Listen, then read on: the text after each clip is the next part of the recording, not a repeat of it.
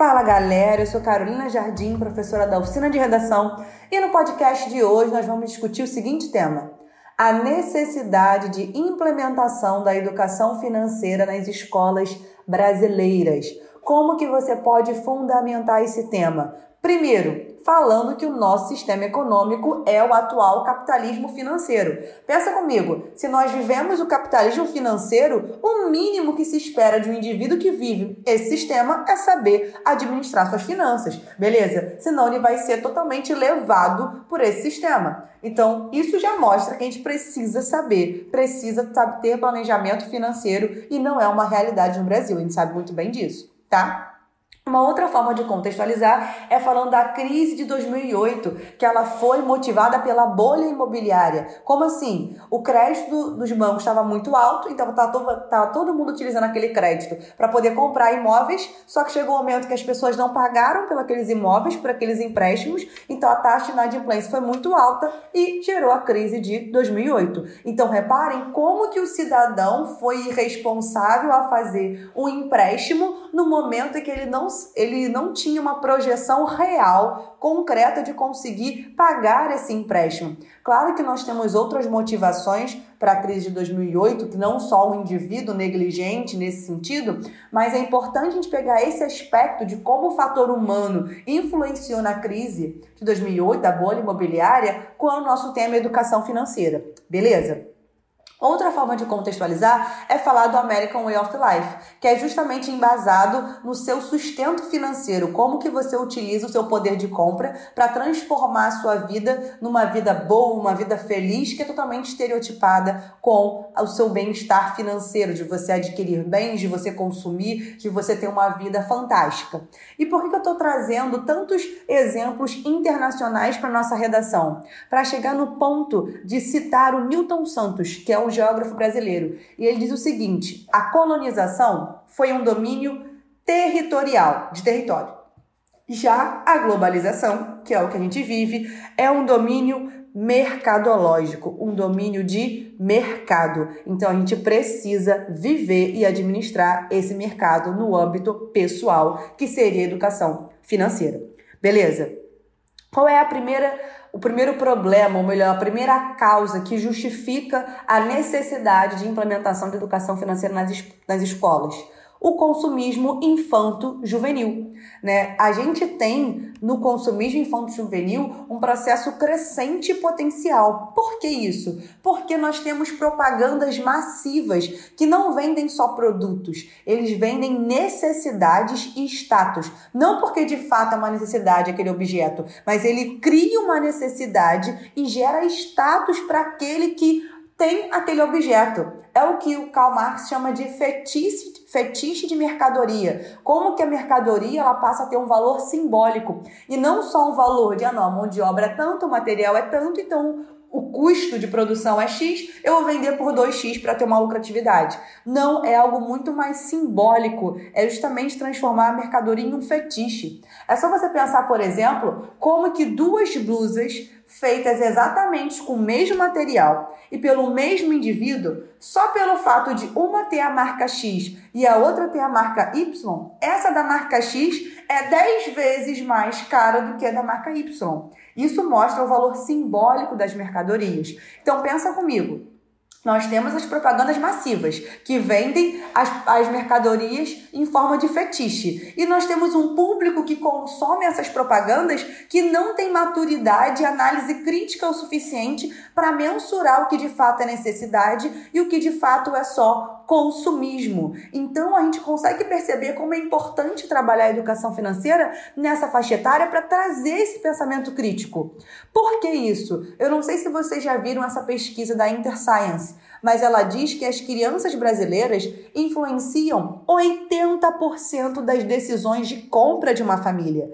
A gente consegue pensar nisso como quando a gente vê os discursos familiares, o seguinte: caramba, depois que eu tive filho, nunca mais comprei nada para mim. Eu só faço o que ele quer quer, tudo o que eu faço, todo o meu salário, tudo que eu adquiro tem a ver com as preferências do meu filho. Eu viajo para onde ele quer, eu compro o que ele quer, a comida que ele gosta, eu vou para o local onde ele gosta de ir. Isso mostra pra gente como de fato as crianças, né, e os adolescentes têm uma influência muito grande na hora de decidir as compras. Então pensa comigo, se eu tenho criança e adolescente que não têm educação financeira, eles vão ser totalmente manipulados pelas propagandas e vão instituir essa compra irracional ou negligente dentro das suas famílias. Por isso que é importante ter a educação financeira nas escolas, porque a grande consequência de você não ter essa educação financeira, você deixar as crianças e adolescentes serem manipulados pelas propagandas, é um endividamento familiar não só o endividamento familiar da família daquele, daquela criança dos seus pais, seus responsáveis,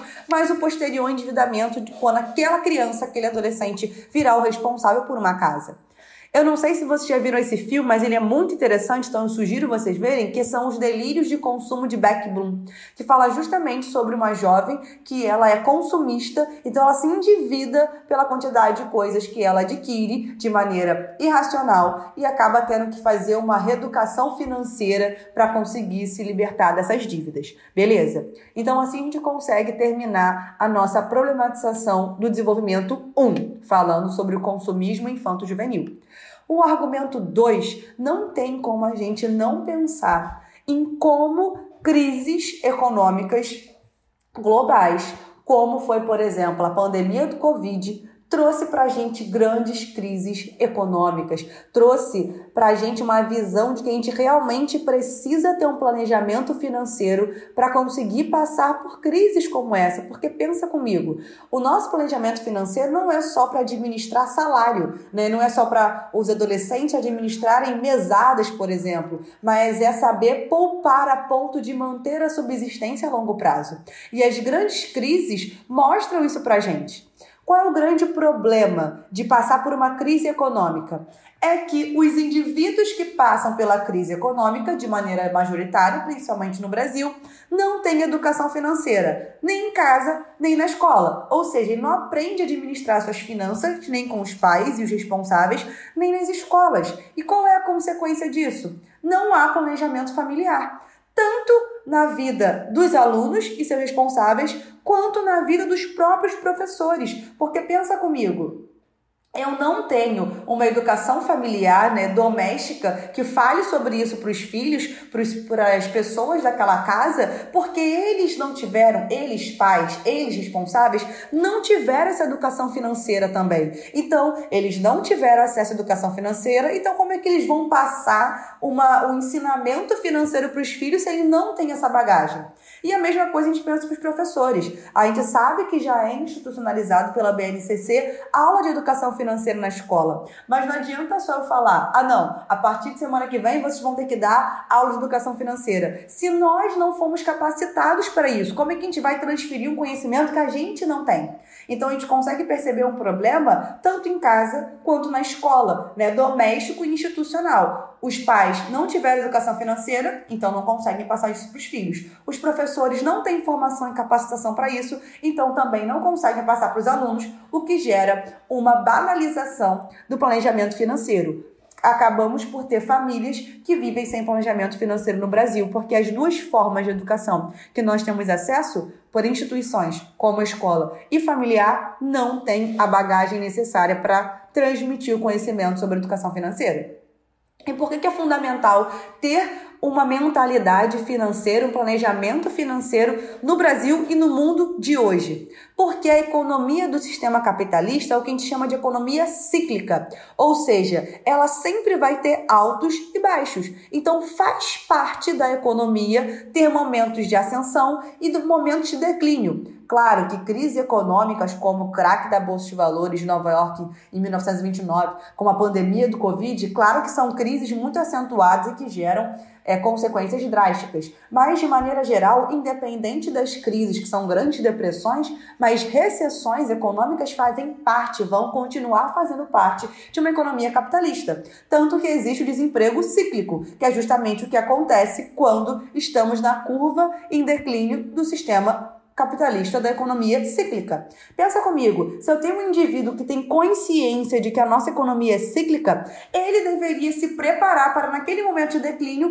ele ter uma sustentabilidade financeira. E quando a gente pensa em educação financeira, o básico do básico do básico que se aprende é criar uma reserva de emergência. O que, que é isso? É justamente você juntar poupar o equivalente a seis meses do seu custo de vida, porque se você ficar desempregado, como o desemprego cíclico mostra pra gente que é muito provável que todos os indivíduos em algum momento da vida vão ficar desempregados, seja por causa disso, seja por causa de crises mais impactantes, como uma crise sanitária que o Covid trouxe, beleza? Então você tem o um mínimo de educação financeira baseada em reserva de emergência. Imagine como que a qualidade de vida e a sustentabilidade dos brasileiros, não só dos brasileiros, mas da população mundial, teria sido muito melhor, né? muito menos afetada e o Covid teria passado de uma maneira muito mais calma se todos tivessem essa mentalidade, essa educação financeira e tivessem reserva de emergência.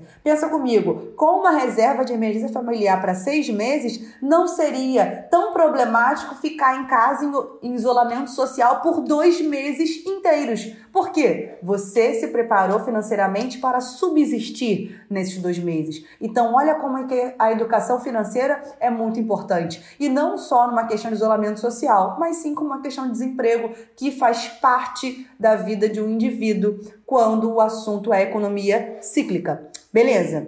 Como que você fundamenta transdisciplinarmente esse argumento? Falando justamente da mimesis de Aristóteles. O que, que é isso? A gente reproduz o comportamento daqueles que estão próximos a gente, como no caso de pais e filhos. Se nós temos filhos que vêm que os pais têm uma negligência financeira, ou seja, mesmo que eles estejam passando por uma situação de aperto, por desemprego, ele continua ganhando a mesma quantidade de presente de Natal, de presente no dia do aniversário, continua saindo, nada o afeta, até porque a gente tem hoje uma mentalidade de, ah não, eu vou proteger a criança de todos os problemas que a família está passando, coloca ela numa bolha e finge que ela é imune a isso. Você está ensinando para os seus filhos, a gente está ensinando para as outras gerações que não, eu posso viver com uma negligência financeira e tudo bem, eu tô, eu estou desempregado, mas eu vou continuar com esses gastos que são desproporcionais à minha renda. Então, olha como que esse comportamento é mimético. Tanto que a causa do nosso argumento foi justamente os pais não terem tido educação financeira, então não tem educação financeira a passar para os filhos.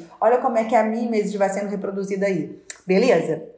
E agora, como que a gente soluciona esses problemas do consumismo infanto-juvenil e das grandes crises econômicas? Primeiro, para solucionar o consumismo infanto-juvenil, a gente precisa que o Ministério da Ciência, Tecnologia, Inovação e Comunicação regulamente a publicidade, né? Ter uma regulamentação publicitária. Isso lembra até quando caiu no Enem publicidade infantil em questão no Brasil, que mostrava como que a gente tinha uma regulamentação muito frágil em relação a isso. Né? A gente precisa ter uma regulamentação melhor para que as nossas crianças e os nossos adolescentes não sejam é, manipulados por ela a ponto de gerar o um endividamento familiar, beleza? E para solucionar as grandes crises, né, para a gente poder saber como passar por grandes crises econômicas, a gente precisa que o Ministério da Educação estabeleça, porque já é regulamentado, já é existe já na BNCC esse pretexto, mas que de fato aplique as aulas interdisciplinares sobre educação financeira.